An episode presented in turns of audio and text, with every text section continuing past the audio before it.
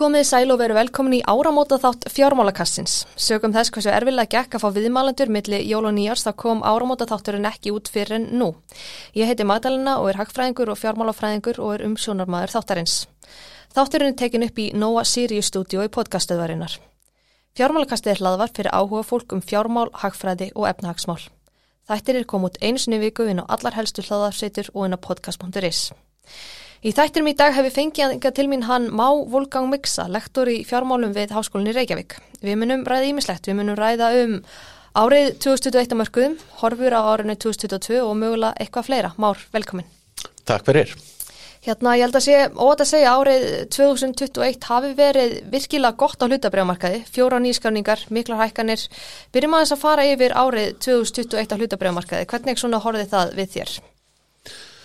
Innlendis þá var... Innlendis, já. Já, innlendis þá var... Það var mjög erfitt að hagnast ekki. Svo lengi sem þú áttir eitthvað hlutabref, skráð hlutabref. Og um, það, voru, það, voru, það var tvent sem að má segja hafi leitt þessar, um, hafi leitt þessar hækkanir og annars vegar var að vextir sem voru lágir fyrir heldust lágir.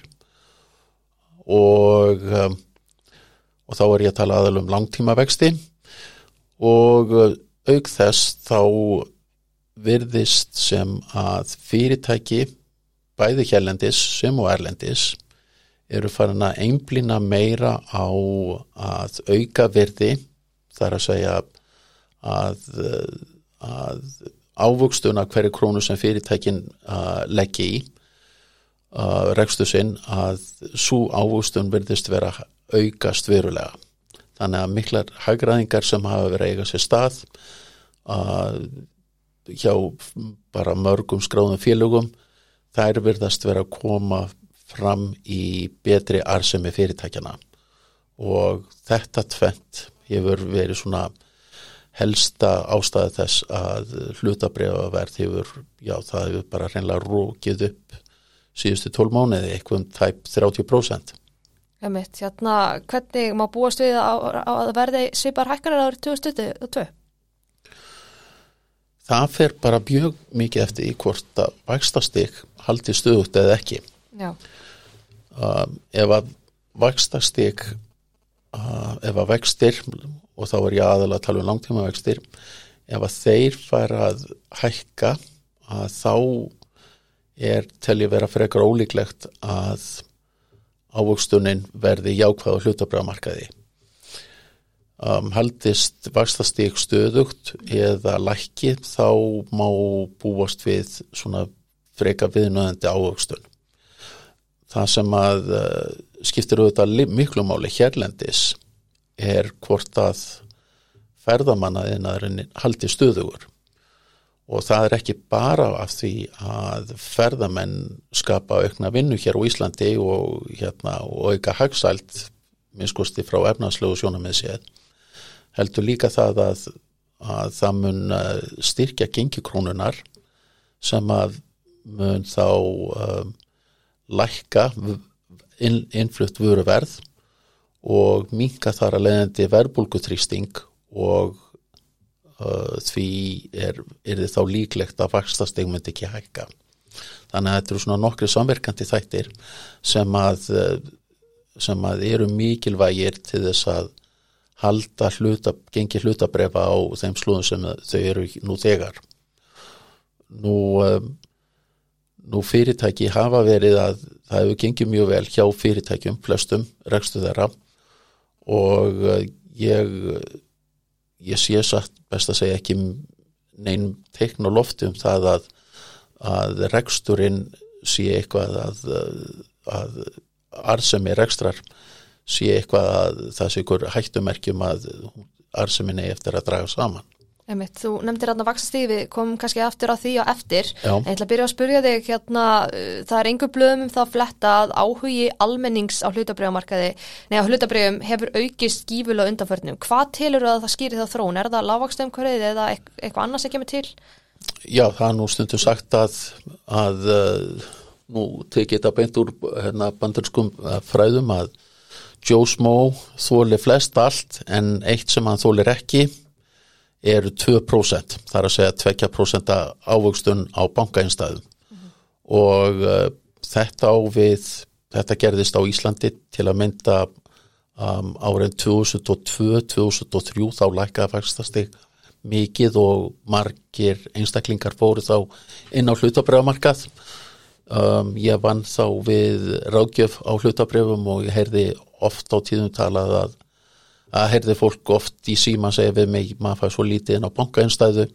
Er ekki bara komið tími til að setja sínar fjárfestingar í hlutabref og uh, það er vissulega að gerast núna.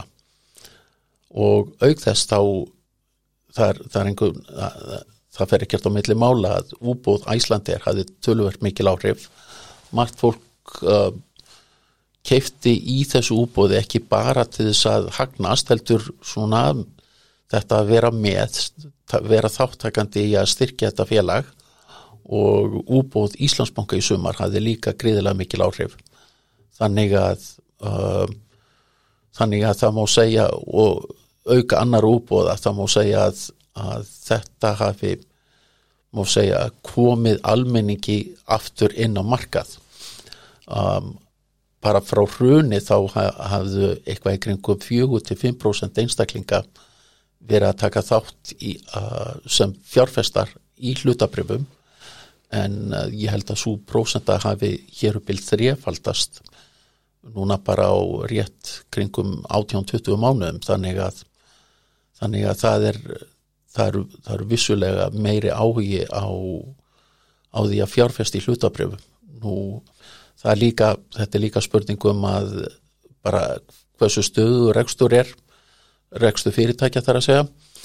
Og uh, fyrirtæki það, bara þessi aukna arsemi fyrirtækja hún skila sér í umfjöllunni í fjölmiðlum og fólk verð þá kannski aðeins að beina sjónu sínum að því auknu mæli hvort að það sé rétt að fjárfest í fyrirtækjum og uh, á nýja leik. Og það er ekki skrítið að fólk hafi kannski verið lengi að taka vissi því að það voru þetta ótrúlega ruppaði sem að töpuðust í hrununu fyrir 13 áru síðan. Nefnitt. Hérna en árið 2022 hlutabriðamarkaði, getur þú svona lagt mat á hvort það séu einhverju gerar sem muni og hvað gerar þá eru sem muni hækka meira en aðrir? Já, það er fluggerinn, hann er, uh, erum, það eru tvö íslensk félög, Play og Æslander sem eru skráð núna og uh, ef að ef að það er spárganga eftir að omnikrón muni jável flýta fyrir því að, að hættan af COVID að hún hjaðni og jável heyri svo eh, verði sem sagt verði bara slæm minning að það er alveg ljúst í mínum huga það muni það mun verða til þess að bæði þessi félög muni hækka tölvert mikið í verði. Og og auk þess þá þá tel ég nú að tel ég að hérna bankanir svona séu hérna svona þokkala uh, rétt metnir í dag. Ég sé engar Þú sér ekki miklu hækkunar í bankagerunum? Ekki miklar. Nei, þeim náttúrulega gekk gífulega vel á síðust ári? Gekk gífulega vel. Um, Ég myndi kannski sjálfur, ég persónulega, ég myndi ekki fjárfæst í, tryggingafélag núna, mér finnst þau verið svona í dýrar í kantinu mm -hmm og um, og ég tel líka ef að svona með þann fyrirvara um að að, að efnahagslífi haldist traust hér á Íslandi að þá tel ég að fastegnafélagin geti tekið tölverð stökk á árinu. Ok, einmitt. En hérna, ef við ræðum aðeins skuldabriðamarkaðin, hann svona vill af glemas, fólk talar yfirleitt bara um hlutabriðamarkaðin. Eh, hvernig horfðan við þér árið 2021? Já, skuldabræðumark, ég held ég, ég held að sé bara rétt um ár síðan að ég skrifa nú pistilum það að ég held að Íslensk skuldabræð hafi aldrei verið verri fjárfesting að, mm að já, bara aldrei verið fjárfesting en ákvara þá fyrir árið síðan og uh, þau skrif hafa svona gengið tölvert mikið eftir því að ávustum skuldabræða var til tölva sluga árinu því að þó svo vakstast ég hafi hækkað að hafi hækkað kannski minn heldur en sumir óttuðust að þá enga síður þá hækkaði vaksta steg eitthvað og það hefur neikvað áhrif á velmyndur skuldabrifa og og ég sappast að segja ég sé ekki ég sé ekki mikil tækifæri í skuldabrifu núna en ég það, það verður bara að líta til þess að raunvægsta steg allstaðar í heiminum er orðið ansi látt og, um, og því ég, ég held ég bara tel að lengi ég tel að skuldabref munir bara veita svona rétt munir bara rétt halda í við verbulgu Emitt Hérna nú í mæja á síðust árið þá hóf Sælabankin svona aðeins að hækka stýrivexti. Hvernig telur þú að þeir munu þróast árinu? Ég er ósámála flestum greiningadeildum mm -hmm. og, og um þá þróun og hérna ég sé ekki að Sælabankin sé að fara að hækka vexti jafn mikið og greiningadeildir hafa spáð mm -hmm. um, ég bara ég á bátt með að trúa því að Sælabankin fari eftir yfirlýsingur um að hér verði hér sé stefnunum að halda lágvaksta umhverfi áfram mm -hmm. og uh, líka að það sé fullt af fólki búið að vera fjárfesta íbúðum fjármagna sig með overtriðum lánum að afsakið overtriðum lánum með breytulum vöxtum að Sælabanki færi að hækka stýravexti og þar að leiðandi greiðslubyrði fjöldamanna með því að með því að hamla á verbulgu ég held að það sé að, aðra aðgerði sem að virki mun betur og beita öðrum tækjum öðrum stýritækjum til þess að halda aftur á fastegna markaðin Ég er nokkuð fyrir sem að það verði eitthvað, eitthvað slík eitthvað slík tól og tæki verða nótu til þess og, og bara draga kannski úr já, draga úr þærri spennu sem nú ríkir en það vissulega hefur líka bara öll umræða um hugsalega vaksta hækkanir, það er dragur vilja fólks af oft meiri áhrif heldur en hækkanana sjálfar. Já, og uh, þannig að ég þó svo ég get alveg séð að það verði einhver hækkun á vakstastígi það kemur óvart ef að það er þið meira en 1% Ok, hérna, hvernig tilur að verbulgan muni þróast árinu?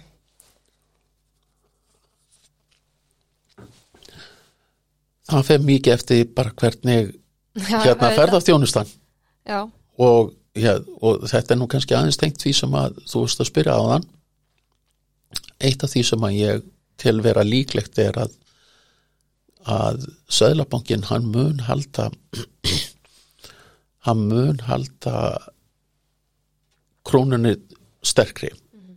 að tröstri, öll heldur krónun er ekki sérstaklega sterk núna. En Söðlabankin, ég er nokkuð vissum það að Söðlabankin mun að gera allt sem að hann getur til þess að koma í veg fyrir frekar, frekari veikingu krónunar og eitthvað er að þá mun að styrkja krónuna og hefja yngreip á markaði til þess. Og með því mun hann halda þá verbulgu í skefjum og og það mun hérna og það mun uh, draga úr þörfina á frekari vaksta ekkunum Hérna ef við förum aðeins í annað við erum búin að fara svona aðeins yfir árið og horfur á næsta ári Já. en, eða þessu ári segi ég uh, þú hefur verið svona freka gaggrinn á rafmyndir í gegnum þína, getur þú svona útskýrt af, þína afstöðu í þeim málum? Já, ég er Já, ég hef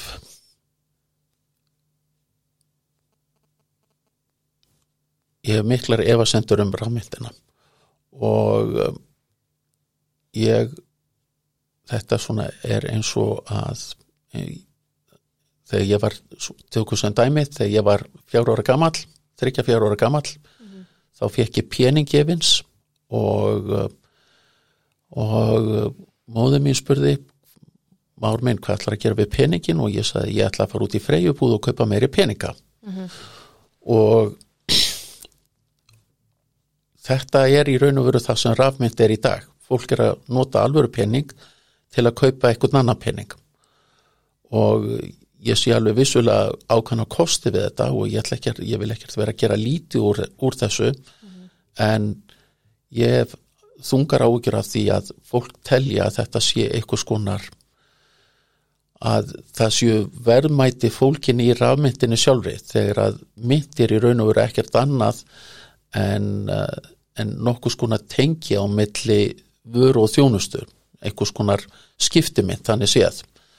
Og uh, ég sé ekki kostina þó ég sé ekki að kostinir við rafmyndi séu það mik miklu meiri með venjulega pening að að það, þeir verðskuldi það að þú sér með peninga sem að með við þá peninga sem við í dag þekkjum geti sveifla svona mikið það má benda á það að það eru ákveðnir aðlar að bara 0,01% af þeim sem eiga rafmynd stjórna yfir fjórðung af þeirri rafmynd sem er í umferð mm -hmm. þannig að lítill hópur aðla sem að hefur gríðala mikla hagsmuna því að hækka virði rafmyndarinnar og geta smá sama mjölka rafmyndina mm. út á yfirsprengtu verði og uh, og notað í raun og veru bara þá rafmynd sem til er til þess að fá sér um, hvað maður að segja, alvöru pening mm. ég var nýlega uh, stattur í Veslunum minnstuði í bandarækjónum Já, og þar var, já, hérna. og þar var kassi sem að, að það var bara vennulegu kassi bara á miðjum í miðjum leit út svona eins og hraðbanki sko svona... nákvæmlega, hérna. leit, leit út eins og hraðbanki og þar gafstu keift og selt rafmynd svona meðan að þú varst að kaupa galabugsur og náttfött á pötnin og annað slíkt. Já, það eru mikla söplur á sig sko. Já. Það hérna en líka, maður þekkir bara hellinga fólki sem hefur grætt hellinga á sig sko og hérna sem hefur sett peningi í þetta og... Já, og ég óska því fólki til hemmingju með, með skjótan gróða. En um, það er já, ég hef tvísas, ég hef einu sinni séð uh, jafnmiklar áhættu að því að það var margi grætt á einhverju í ákveðin tíma og síðan hafið endað mjög illa og fyrraskipti var fyrir rétt rúmu 20 áru síðan þegar að dotcom fyrirtæki kom á markað. Mm -hmm. og þá voru allskyns fyrirtæki sem að umbreytust í eitthvað.com það var fyrirtæki sem hétt phone.com og uh, það var eitt fyrirtæki sem að uh, hérna, umbreytti sig úr því að vera hérna hérna keðja með hérna skyndibitamat og breytið sér í digitalcreative.com margir íslendinga tóku þátt í því avintýri og sumi grættu óvula mikið á yfir ákveði tímabil en það endaði líka heldur illa. Og ég hef, já, ég hef töluverðar áökjur af því að þetta geti enda illa. Um, ég við þetta stundum rámt fyrir mér já, já. en ég, ég vona að fáir síðu búin að leggja allansins barnaði í þetta. Það er alltilega í að taka ákveðnar áhættur og með eitthvað ákveðna upphætt og, og síðan hérna en ég kannski enn meira ágjur að því að það séu sumir að, að taka lán fyrir slíku fjárfestingum og það geti hæglega enda mjög mjög illa. Og þú saðir áðan að það var margir hagnast mikið á, á slíkum viðskiptum og það segja manni það að fáir hafa í dag um, kynst því hvað þá tilfinningunum að tapa og sérstaklega að tapa verulegum upphæðum mm -hmm. og uh, það, þú þart að tapa verulegur upphæð til þess að við geta vegið og metið uh, ánægjuna því að hagnast og sásökana því að tapa. Einmitt. Hérna kannski spyrja þig, hefur þú alltaf haft þessa skoðun á rafmyndum að þetta sé, já, bóla?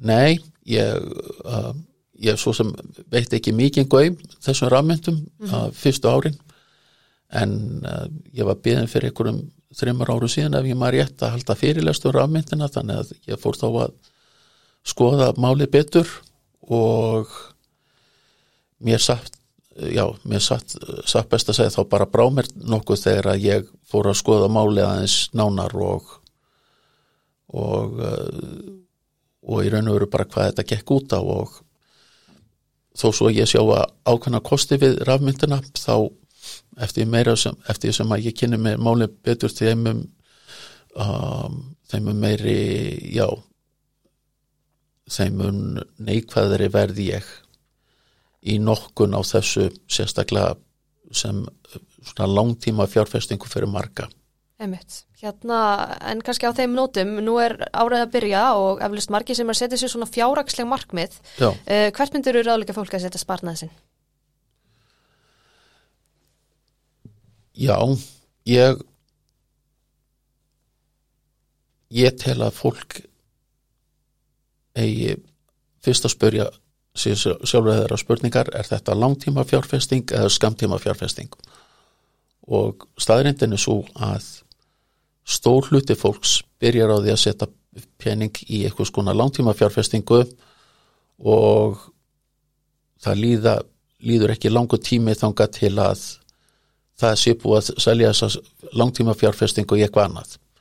Þannig að það er betra að setja eitthvað ákvæmna upphæð í langtíma fjárfestingu, eitthvað upphæð sem að þú getur verið nokkuð vissum að þú þólir þar að segja að þólir að geima sem langtíma fjárfestingu og fyrir langtíma fjárfestingar þá um, þá sjálfur bara tel ég best að setja um það byrj 70% í það sem ég kalla leiðileg uh, hlutabref mm -hmm.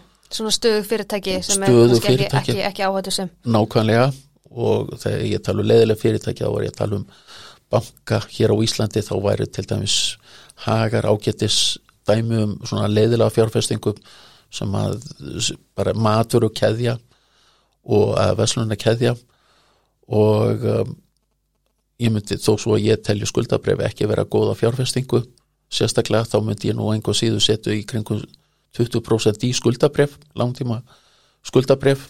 Því að ef að verbulga verði neikvæð þá eru þau mjög góð ávöxtum og um, og síðan myndi ég setja um það byrj 10% í eitthvað skonar áhættu fjárfestingar og það má alveg setja bitcoin svo sem í þann hatt sko ég, ég, ég geti haft rámt fyrir mér í þeim efnum um fram til að verði bitcoin mm -hmm. en ég myndi það bara ágetist um að putta regla setja 10% í slíka fjárfestingar mm -hmm. og það eiginlega gildir um bæði ungd fólk sem gamalt fólk um en uh, síðan skamtíma fjárfestingar það, það er hægt að setja það í, í sjóði, allir bankar hér á Íslandi eru með og flestu öll verbröðafyrirtæki eru með eitthvað skonar skamtíma sjóði sem að fjárfesta þá aðalega eitthvað, eitthvað skonar vikslum skamtíma bref og eða bankainstæður sem að eru kannski bundnar í 3, 6 til 12 mánuði og það er, það er því svona eitthvað skonar fjárfestingar sem að þú get, sem að fólk hugsa með sér að eigi banka ef að það missi vinnuna eða eitthvað slís komu upp þannig að það geti krypið í eitthvað skona lausafið.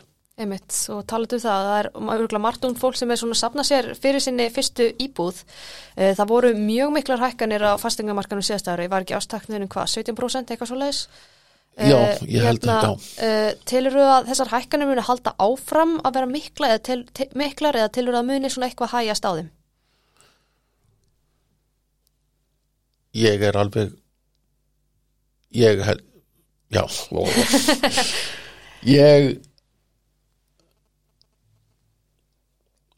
ég held að muni hægja tölverð mikið á þessum hækkunum. Mm -hmm. og um, það er erfitt. Þetta er ekki alveg sama bóla finnst mér og var árið 2004 og 2005 mhm mm og uh, það, það var bara hreinlega að sprengja þá á fastegnamarkaði að því að að vakstast í lækkað mikið og lánaframbóðið jógst gífulega sérstaklega þegar bankanir fóru inn á markaðin og voru að veita í sumu tilfellum að viðskiptavinu sínu betri kjör heldur en kjör þeirra sjálfra á markaði. Og uh, svona hafandi sagt að þá er fastegnaverð orðið mjög hátt núna. En það er ekkert að með sagt að það lækki nöðsila en já, ég myndi ef ég mætti orða þetta þannig það er ekki kauptækifæra á markaði. Nei, en hvort segja að það. sé það er, það er, það er, það er seljendamarkaður á markaði í dag og á fastegna markaði sem þýðir það að seljendur eru að fá góð verð en það er út að bara miða við það sem áður var. Um, hvort að bankar og fjármálastofnarnir láni jafn mikið til fastegna kaupa næstu ára það mun hafa mikið að segja.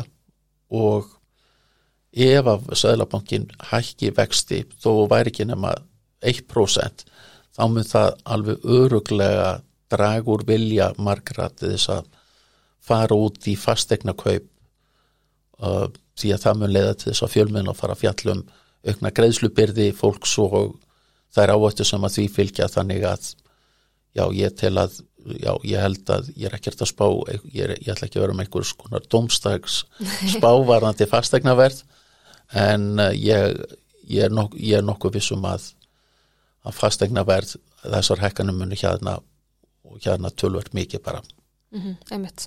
Hérna, setjum punktinn hér á þessa umræðu, en hérna, eins og svo oft áður þá vendum við svona þáttinn á persónulegu nótum, þannig ég ætla bara að byrja á að spyrja þig, hvernig var svona síðasta ár fyrir þig, 2021? Já, það var bara ansi gott ég fjölskyldan og ég við bara, helsan var bara nokkuð góð Já, e e ekkert COVID en eitt svo leys? ekki enn sem komið er Nei, og það er nú kannski að góða hérna, að hérna, já, fæði mig fekk reynd á COVID en hann verðist vera sloppinn, hversu lof og hérna og uh, og ég- mér finnst bara mjög jákvætt að svona flesti sem er að fá þetta nýja afbreyðis hérna sleppi nokkuð vel og og uh, hér voru engar hamfærir, það var ekki stríð og uh, það var engin hérna það var engin hérna það var engin um, já það töpuðu sára fáir peningum hér, það var kannski helst að fólk greiti eða ekki að grætt meira sem er ákveðið hættumerki reyndar. Og já, ég held að bara Íslendingar og flestir hafi bara lært að elska hvort annað og hérna og, og fólk hann að meta. Ég sé það nú bara í háskólanum í Reykjavík að fólk er miklu áhersamar að mæta í tíma heldur en áður og kannski það er gaman á veit í tíma hjá þér, ég get sagt það. Já, takk fyrir það. og ég held að það sé hérna, það sé bara nokkuð hérna já, ef eitthvað er þá hefur COVID kannski kent fólki að það er sé gott að hittast og eiga stundi samar saman í stað þess að vera á einhverjum tímsfundum og hérna Facebookar hjali og ég veit ekki hvaðina Já, ég hérna ringdi þið milli jól og nýjars og þá varst ég að Arizona, hvað varst að gera þar? Já, við, uh, ég og kona mín, við kynntust í Arizona, mm. Tucson Arizona, þar sem að Jojo left his home in Tucson Arizona, þeim bæ, og uh, við uh, vorum bæði í námið þar og kynntust góðu fólki þar og við fórum þangað til að hitta, hitta þessa gömlu góðu vini. Einmitt. Hvað, hérna, hvað er þessi skemmtilegast að gera svona utan vinnu? Já, Pæli mörkuðum? Já, kona mín segir stundu við mig þegar hún var að færi ferðalög Már minn, í guðana bænum ekki taka með þér enn eina fjármálabókina en já, ég hef gaman að því að spá í þessu, þetta er áhugamál og um, ég hef gaman að því að hlusta á tónlist og já, bara eins og hérna já, ég held bara að eins og já, flesti fóreldrar að mínum að þetta eigi að vera, þá finnst mér nú bara gott að eiga samverðu stundum með fjölskyldum minni, konu og börnum. Hérna, eh, talandi um bækur, eða þú ættir að mæla með einni bók fyrir hlustendur, hvaða bók væri það? Það væri um, við minn góður, ég var að lesa svo góða bókum daginn Já, bara að ég ætti nú bara að geta sagt hana 1 fyrir og 10 hún heitir The Psychology of Money já, ég hef heyrt um hana, er hún góð? hún er nefnilega ansi góð Hvað er svona, hvað er, hvað er verið að fjalla með henni?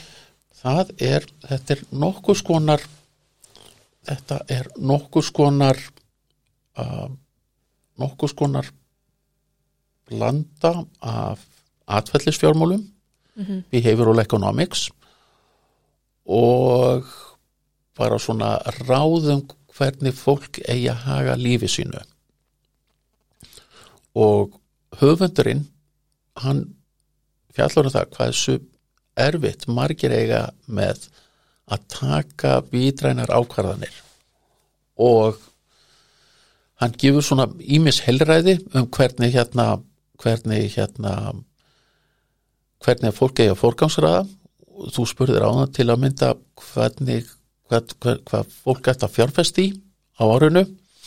Og höfundurinn bendir á að það sem maður skiptir mestu máli er að halda einmitt ákveðni stefnu og veit í dæmi um það að hversu miklu betri ávustum fólks er að, að, sem er með ákveðna stefnu setur alltaf ákveðna summu ákveðna upphæð til dæmis reglulega í hlutabref og lætur, lætur ekki slás út af læginu þó að markað sé að fara upp eða niður eða það séu domstáspár eða allir fullir af bjarsinni það setur bara alltaf sumu sumu bara kannski á mánafresti í hlutabref og og það neyði líka fólk til þess að svona það, fólk neyði sjálf sig til þess þetta er svona eins og að hérna, að fylgja eftir einhverju áramóta hittum sem að fæsti gera nú reyndar að mm. þá að þá smá saman þá byggir það upp eitthvað sparnað og hann fjallar um það að það sé bara ágætt að byggja upp sparnað og það hefur ekki markmið með sparnaðinu í hverju þú ætlar að fjárfest í að þú sért alltaf með einhver sparnað við höndina og hann talaði með mig um það sem að ég var að fjallum á þann að aðgreina milli skamtíma og langtíma sparnaðar. Og ég hef bæði bæði ráðgjöf ég starfaði í banka í mörg ár og bæði og síðan bara samneiti við nefndur í HR að það, það er ótrúlegt sem margir eiga minnskost í upphafi erfitt með að skilgreina munin á því að hvað sé skamtíma sparnaður og hvað sé langtíma sparnaður og hann, hann fer dálítið vel yfir þetta og hvernig, uh, hvernig bara fólk eigi að eigi að svona hafa ákveðna bjart síni svona hóflega síni en hafa samt alltaf hafa samt alltaf varan á sér og þegar maður gerir fjármála áallanir að gera í Excel skjali það gengur, það, það, það bara nær svo langt því að lífið sjálft það stuðt að breytast og það komu plutir og fólk breytist. Ég, bara sem dæmi þegar ég var ungum aður þá ætlaði ég mér að vera leikari og ég, ég, ég nokkuð vissu það að tvítúr Máru Olga Miksa fengi áfallin að sæði mig í dag vera fjallum fjármál. Og hérna og hefði áhuga á því almáttur hérna. En hérna en það er þetta er en það ætti að vera eitthvað svona skona fasti þeir sem að geta og það eru auðvitað hann viðkennu það alveg að flesti sem er að lesa þessa bók hafa efna á því að fjárfesta og þetta áður ekkert við um alla því miður en þeir sem hafa efna á því að, á því að fjárfesta þeir ættu að hafa ákveðin mörg að sem sagt takmörg í því hvernig þeir fjárfesta og að halda sig við einhverja raunsæja stefnu Einmitt. Hérna það kom á lókum núna en kannski ég spyrjaði að lókum er svona eitthvað heilræði varandi fjárfestinga sem vil komið framfæri? Eitthvað annað heldur það sem þú ætti að segja? Já Já ekki taka lán og um, nýtið ykkur séregna spartnað sérstaklega fólk sem er að kaupa húsnæði í dag að nýta sér þann séregna spartnað sem að er í bóði varðandi húsnæðiskaup og ekki spenna á búin of hátt já, ekki spenna búin of hátt og á sama tíma þess að geta muna samt að lífið er núna en ekki í framtíðinni og hérna maður þarf ekki að kaupa alltaf flottasta flotta bíl og annað slíkt á þess að hérna á þess að lifa góðu lífi. Já, gott heilræði. Már, þakka kærlega fyrir komuna. Ég þakka fyrir mig Fjármálakast hefur ekki lengri í dag en við vil þakka ykkur kærlega fyrir hlustunina og vil minna ykkur að fylgja fjármálakastinu á Facebook og Instagram en þar koma allar upplýsingar um nýjustu þættina. Verið sæl.